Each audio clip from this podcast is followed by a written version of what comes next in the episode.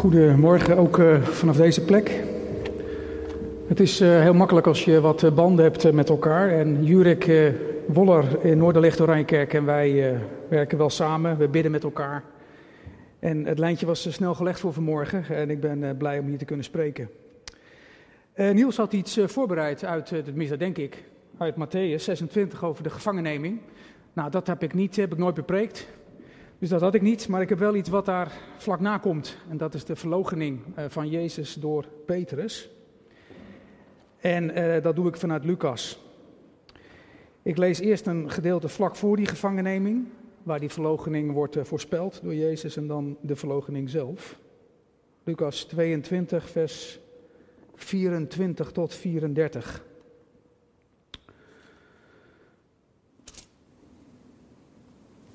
Toen ontstond er onder hen, onder de discipelen, oneenigheid over de vraag wie van de discipelen de belangrijkste was. En Jezus zei tegen hen: Vorsten oefenen heerschappij uit over de aan hen onderworpen volken. En wie macht heeft, laat zich weldoener noemen. Laat dat bij jullie niet zo zijn. De belangrijkste van jullie moet de minste worden en de leider de dienaar. Want wie is belangrijker, degene die aanligt om te eten of degene die bedient? Is het niet degene die aanligt? Maar ik ben in jullie midden als iemand die dient. Jullie zijn in al mijn beproevingen steeds bij mij gebleven. Ik bestem jullie voor het koningschap, zoals mijn vader mij voor het koningschap heeft bestemd. Jullie zullen in mijn koninkrijk eten en drinken aan mijn tafel en zetelen op een troon om recht te spreken over de twaalf stammen van Israël.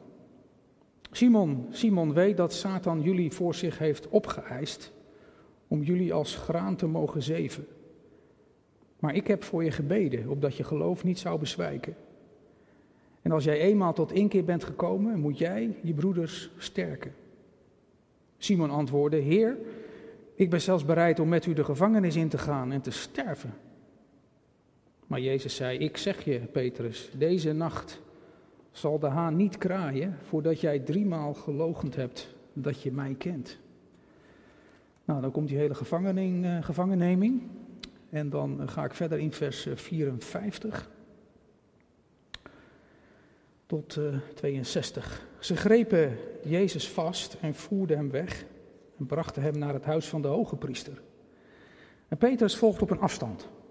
Ze staken een vuur aan midden op de binnenplaats en gingen eromheen zitten. Petrus voegde zich bij hen. Een dienstmeisje zag hem bij het vuur zitten, keek hem strak aan en zei: Die man hoorde er ook bij. Maar hij ontkende het. Ik ken hem niet eens. Even later merkte een ander hem op en zei: Jij bent ook een van hen. Maar Petrus zei: Wel nee, man, helemaal niet. En ongeveer een uur later zei nog iemand met grote stelligheid: ja, zeker, die man was ook in zijn gezelschap. Hij komt immers ook uit Galilea. Maar Petrus zei: Ik weet niet waar je het over hebt. En op datzelfde moment, terwijl hij nog sprak, kraaide er een haan. De Heer draaide zich om en keek Petrus aan. En toen herinnerde Petrus zich de woorden van de Heer. Nog voordat er vannacht een haan heeft gekraaid, zul jij mij driemaal verloochenen. Hij ging naar buiten en huilde bitter. Dit is het woord van God.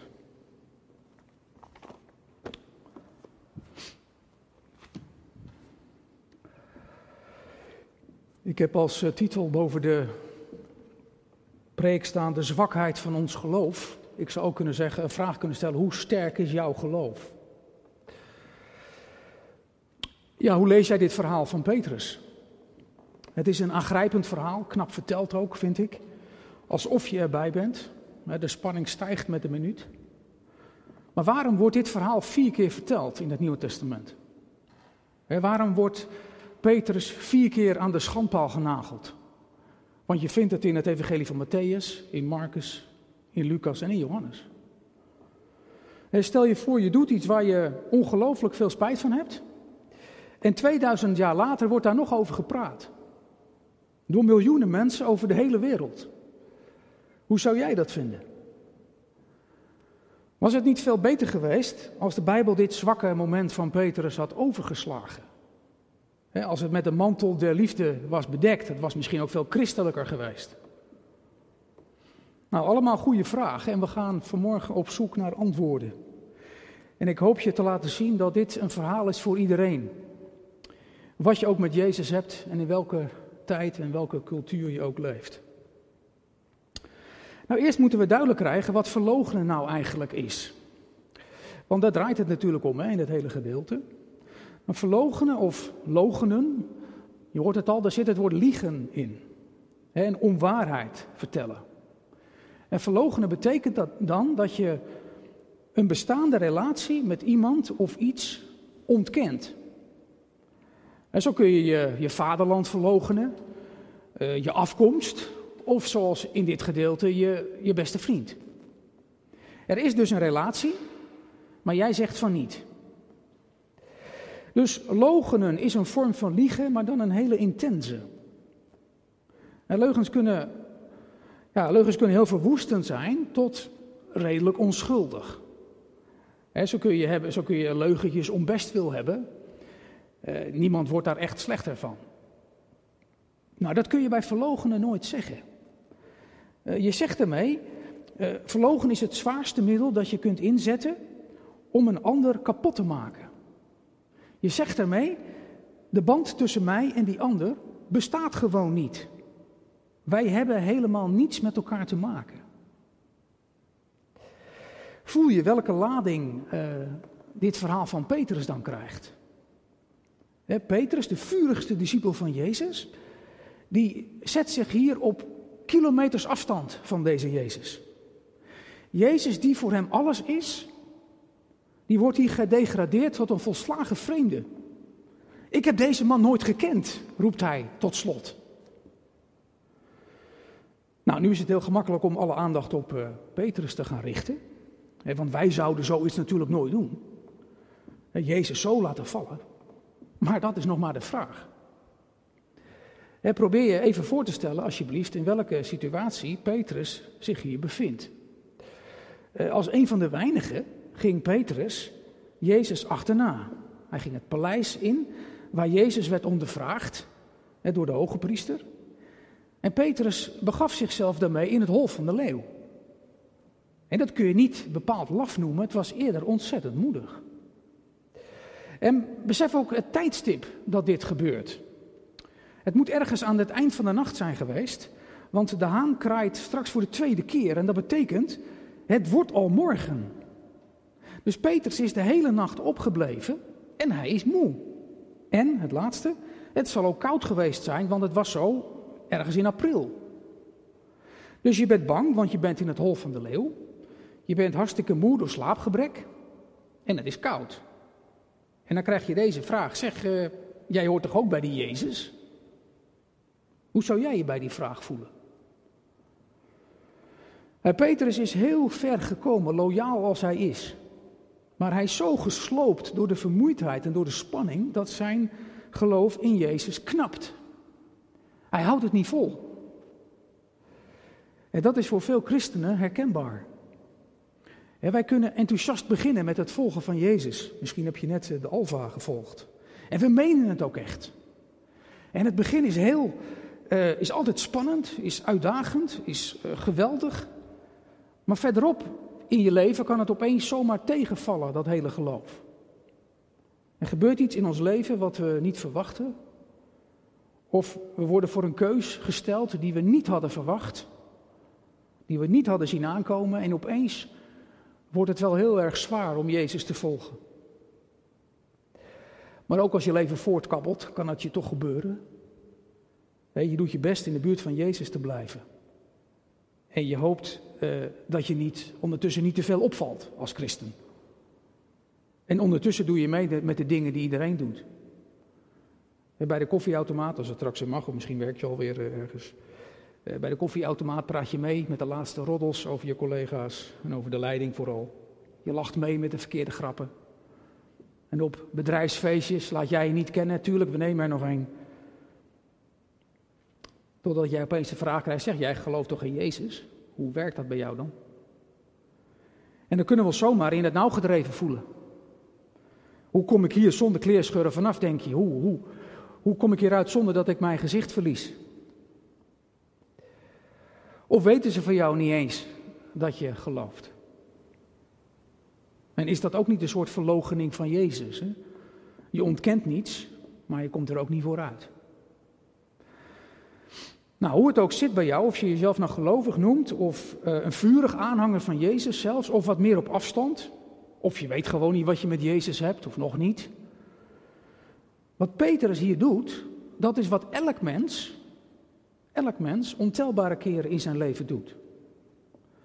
Want Jezus verloochenen, dat kun je doen met woorden, maar ook met je gedachten. En dat kan door je gedrag. Elke keer als jij iets doet, denkt of zegt, waarmee je laat zien dat je Jezus niet kent, dat is een verloochening. En dat doen gelovigen dus net zo goed en net zo vaak als niet-gelovigen. En dat is wat Petrus laat zien hier. Kennelijk betekent in Jezus geloven nog niet automatisch dat je hem echt kent. Want heeft Petrus Jezus wel helemaal begrepen? Of waren Petrus en Jezus, als het erop aankomt, en het komt er nu op aan, uiteindelijk toch vreemden voor elkaar? En ik denk dus dat uh, Petrus ontkenning hier, dat het veel dieper gaat dan dat Petrus hier zijn eigen hachje probeert te redden, wat je vaak uh, leest bij uitleggen over dit gedeelte. Zou het niet kunnen dat Petrus hier in een soort identiteitscrisis terechtgekomen is? Een crisis over de vraag wie hij zelf is als gelovige, maar meer nog over wie Jezus nou eigenlijk is. Het zou heel goed kunnen dat Petrus niet alleen heel bang is, maar dat hij ook heel erg is gaan twijfelen over zijn band met Jezus. Is het eigenlijk wel zo'n goed idee geweest om deze man te volgen? Ehm, en dan al die vragen die hij op zich afgevuurd krijgt. Dat wordt alleen maar versterkt. Dat, dan, dan wordt die twijfel alleen maar versterkt bij hem. Ja, wil ik eigenlijk wel bij hem horen? En als hij dan in het heetst van de strijd zegt: Ik ken die man niet over wie jullie het hebben. Dan zegt hij misschien iets heel waars over zichzelf. Ja, hij is met Jezus opgetrokken, maar is het echt tot hem doorgedrongen wie Jezus was? Dus hoor ik nu bij Jezus of niet? Dat is een vraag waar ieder mens antwoord op moet geven. En dat is een vraag waar je allemaal bewust of onbewust antwoord op geeft. En dan gaat het niet over de vraag of je veel van Jezus weet, maar het gaat heel simpel hierom: is er een band tussen jou en Hem? Hoor ik nu bij Hem of niet? En het ontdekkende van dit verhaal vind ik dat is dat elke mens, dat, elk mens talloze keren laat zien dat hij helemaal niets met Jezus heeft. Dat kan met woorden, met gedachten en met je gedrag. En steeds als jij dingen zegt, denkt of doet, die haak staan op wat Jezus zou doen of zegt, dan is dat een verloochening van hem. En dat doen niet gelovigen, ik zeg het nog maar een keer, net zo uh, dat doen niet gelovigen, maar gelovigen doen het net zo vaak en net zo goed. We zijn allemaal gelijk wat dat betreft. Alleen wat het verschil maakt is of je wakker schrikt op dat moment van verloochening van Jezus. Of je de haan nog hoort kraaien. En als je Jezus volgt, hoe aarzelend ook misschien, dan hoor je die haan kraaien. Door iets wat iemand tegen je zegt over je band met Jezus. Of door iets wat je ziet of leest over je geloof. Of door iets wat je geweten jou duidelijk maakt in je gedrag. En daar schrik je. Je schrikt ervan hoe snel je God teleurstelt. Hoe makkelijk je aan Hem voorbij loopt. Hoe, hoe, hoe weinig je in de buurt van Jezus bent. Schrik jij nog wel eens in je geloof? Ben je wel eens van slag door het gemak waarmee je God aan de kant zet? Ken jij iets van de tranen van Petrus? Als het tot hem doordringt hoe diep hij Jezus heeft gekwetst. Het tranen, of dat nou, uh, ja, de een helpt makkelijker dan de ander, maar of ze nou zichtbaar zijn of niet. Huilen kun je ook van binnen. Dat, die tranen die laten iets zien van hoe, Hoe diep dat contact met God gaat. En hoe hecht dat die band is. En hoe echt. Dus waarom staat dit verhaal in de Bijbel? Dat was de vraag van het begin. Nou, ik geef drie redenen. In de eerste plaats confronteert dit, deze verloochening van Petrus, of door Petrus, ons met de kwetsbaarheid van elk mens. Petrus is een trouwe volgeling van Jezus. Maar niet een van het slaafse type, niet iemand die alles voor zoete koek slikt van zijn leider. regelmatig geeft Petrus kritiek geuit op Jezus. Eh, als hij vond dat Jezus dingen zei die te ver gingen. En toen Jezus zei dat hij veel moest lijden en dat hij uiteindelijk uh, gedood zou worden. Nou ja, toen werd Petrus uh, fel en hij zei: Dat gaat niet gebeuren, Jezus. No way. En tegelijk is Petrus ook de figuur die heeft gezegd: Ik sterf nog liever met Jezus dan dat ik alleen verder moet. Wat zegt er dan dat juist hij gaat vloeken, want dat doet hij, hè? hij gaat vloeken en zweren dat hij Jezus niet kent. Petrus, de stoere, onverschrokken en oersterke gelovige. Nou, wat dat zegt is dit: dat wij niet zo sterk zijn als het erop aankomt. Niet in je geloof, maar ook niet in, uh, op andere beslissende momenten van je leven. Hoeveel mensen vielen bijvoorbeeld, bijvoorbeeld niet door de mand tijdens de oorlog? Als het erop aankomt in ons leven, als de grond echt heet wordt onder onze voeten, ja, dan zijn we ongelooflijk kwetsbaar. Er zit een diepe neiging in ons om dan voor onszelf te kiezen. Om eieren te kiezen voor je geld. En wie denkt dat hij sterk is, zegt de Bijbel niet voor niets, moet uitkijken dat hij niet door de mand valt.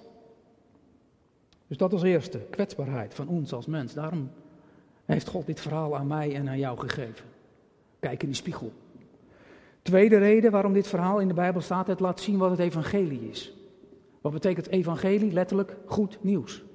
Nou, wat is het goede nieuws dan hier? Het goede nieuws is dat God geen mens laat vallen. Zelfs niet als je niets meer met hem te maken wilt hebben. Petrus had gezegd, en dat is eigenlijk ook vloeken, hè?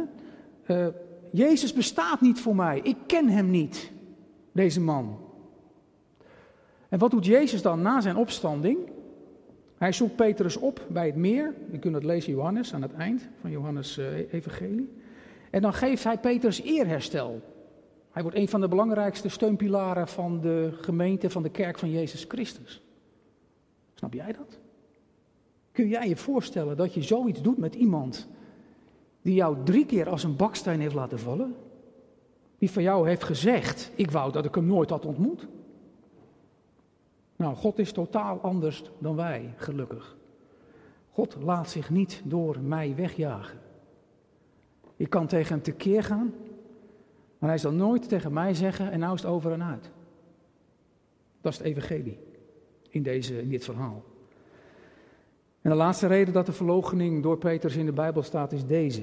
Het geeft mensen de moed om naar God te blijven gaan.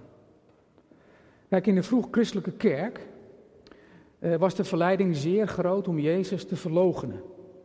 Eh, want, je, want je leven liep gewoon gevaar als christen. Net zoals nu op veel plekken in de wereld je leven in gevaar is als je de naam van Jezus, eh, als je daarvoor uit wil komen. Dan moet je echt wel overtuigd zijn. Wij leven in een andere cultuur hier in het Westen, zeker hier in dit deel van Europa.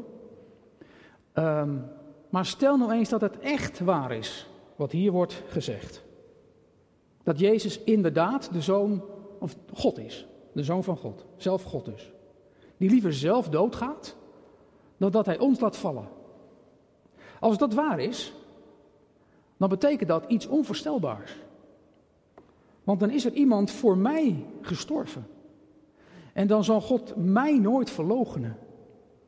Dan blijft God ja zeggen, ook al zeg ik duizend keer nee tegen hem. Of ik ken u niet. Of ik wil niets met u te maken hebben, God. Steeds zijn daar dan weer de ogen van Jezus die jou opzoeken. Dat deed je ook bij Petrus, hè? Petrus verlogende Jezus. En Jezus draaide zich om en keek naar, zijn ogen zochten hem op. Zie die ogen van Jezus jou ook opzoeken vanmorgen. Die doordringende, maar liefdevolle ogen. Die ogen zeggen alles. Te zeggen, ik blijf jou trouw. Ik zie jouw kwetsbaarheid. Ik ken jouw zwakte. Twijfel nooit aan mijn liefde. Blijf komen. Blijf mij opzoeken. Nou, dat is het evangelie, mensen. Als ik mijn relatie met God onder druk zet, hoe het ook komt, komt het, maar het gebeurt.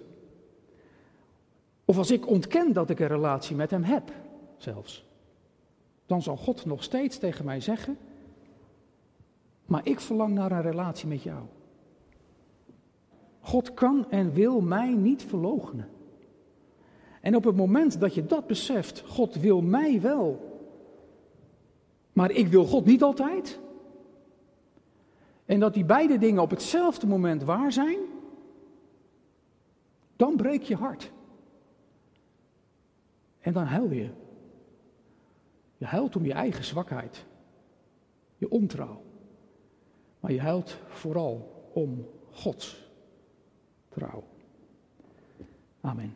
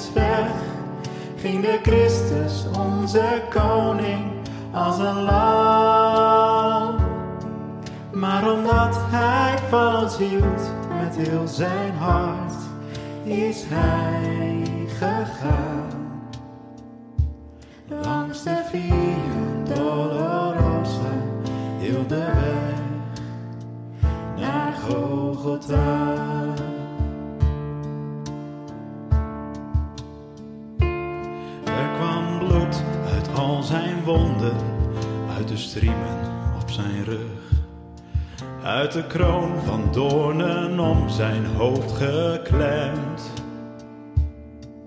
En hij droeg met elke stap de hoon van hen die schreeuwden, kruisig hem.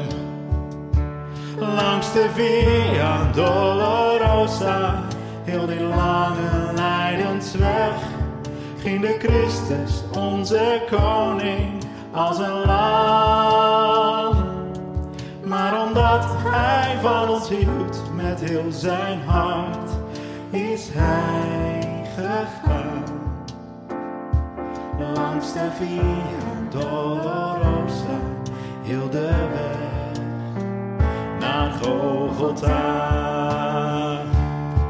Zijn kruis werd een troon, zijn bloed was ons schoon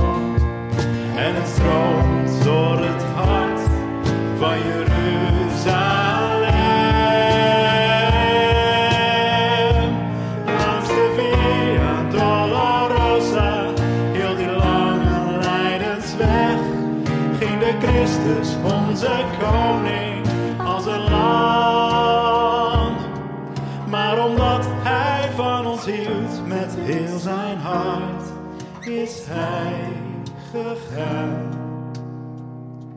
langs de Via Dolorosa hield de weg naar Golgotha.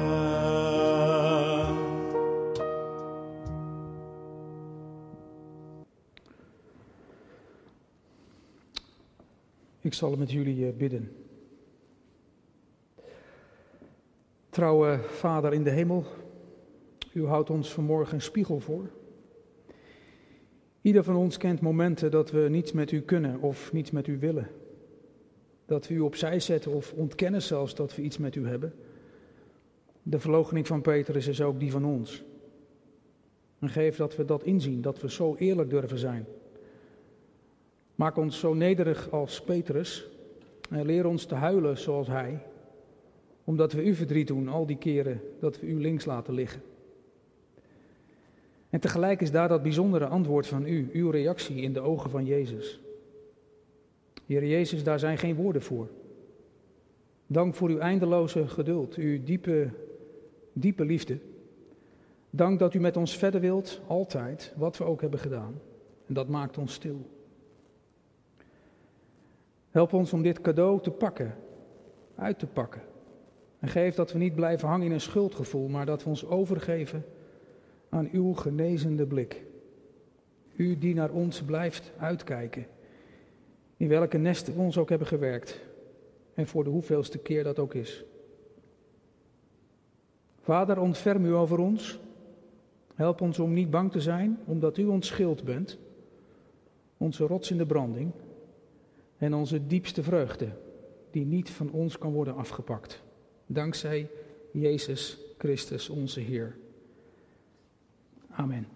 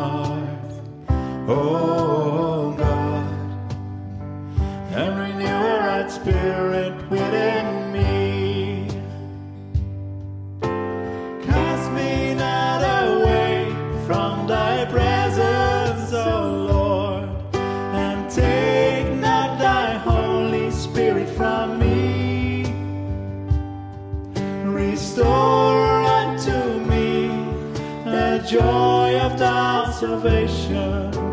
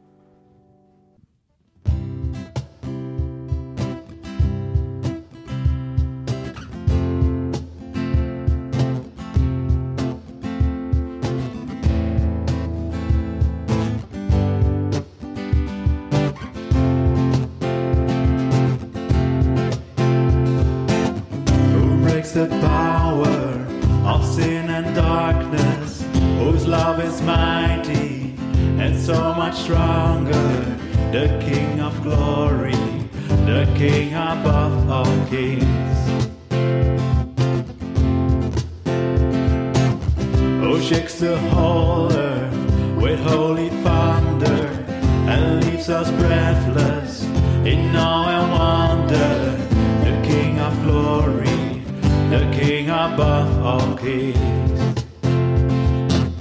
This is amazing grace. This is unfailing love that you would take my place, that you would bear my cross. You laid down your life,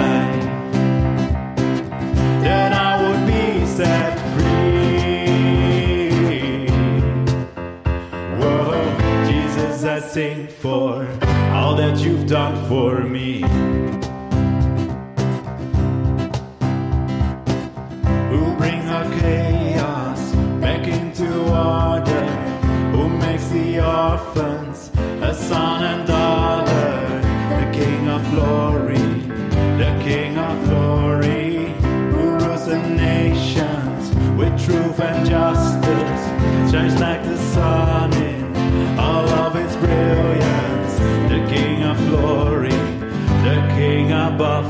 Kings. This is amazing grace. This is unfailing love.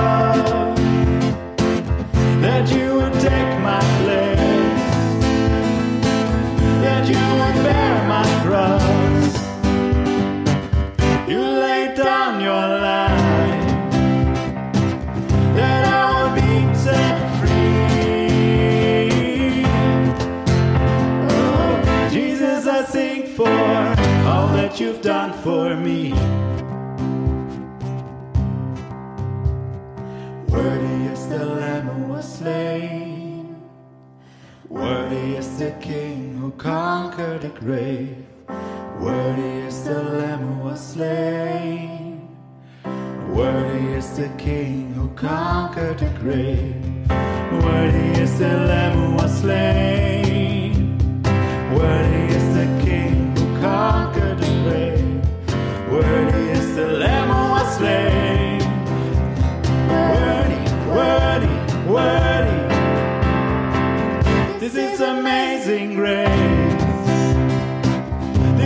This is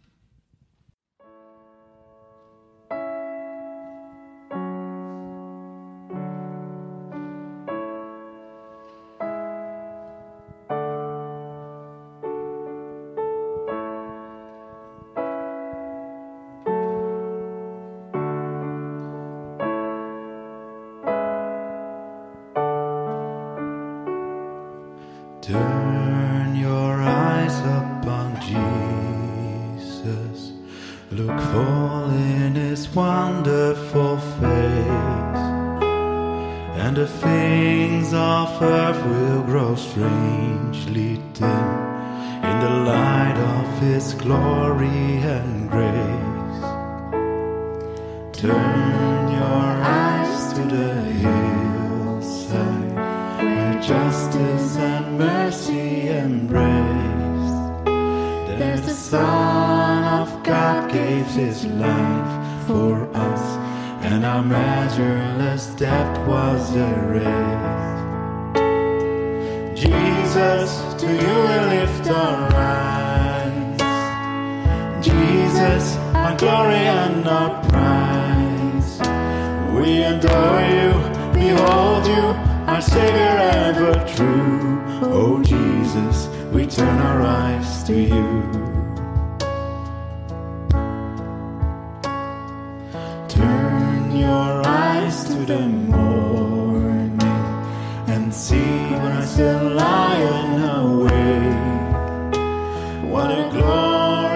What a glorious dawn, fear of death is come. for we carry his life in our veins. Jesus, to you we lift our eyes. Jesus, our glory and our prize. We adore you, we hold you, our Savior ever true. Oh Jesus, we turn our eyes to you. Turn your eyes to the heavens.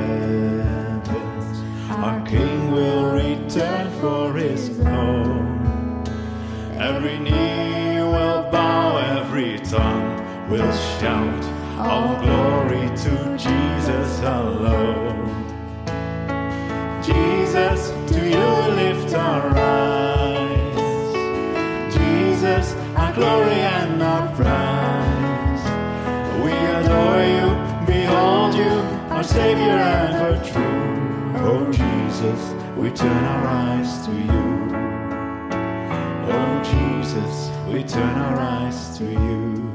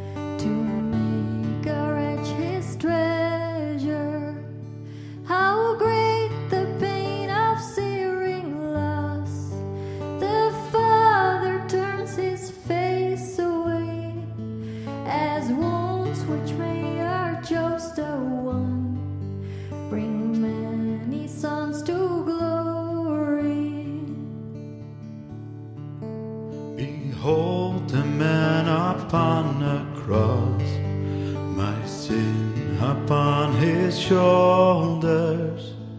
Ashamed, I hear my mocking voice call out among the scoffers. It was my sin that held him there until it was accomplished. His dying breath has brought me life. I know that it is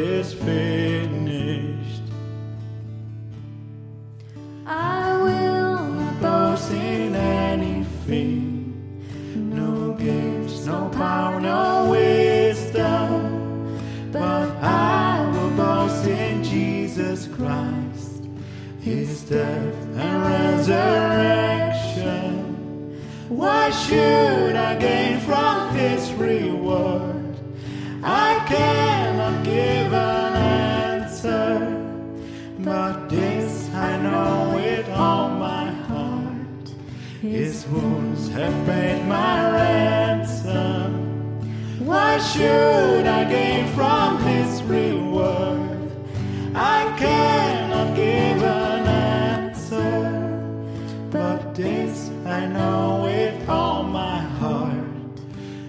wounds have paid my ransom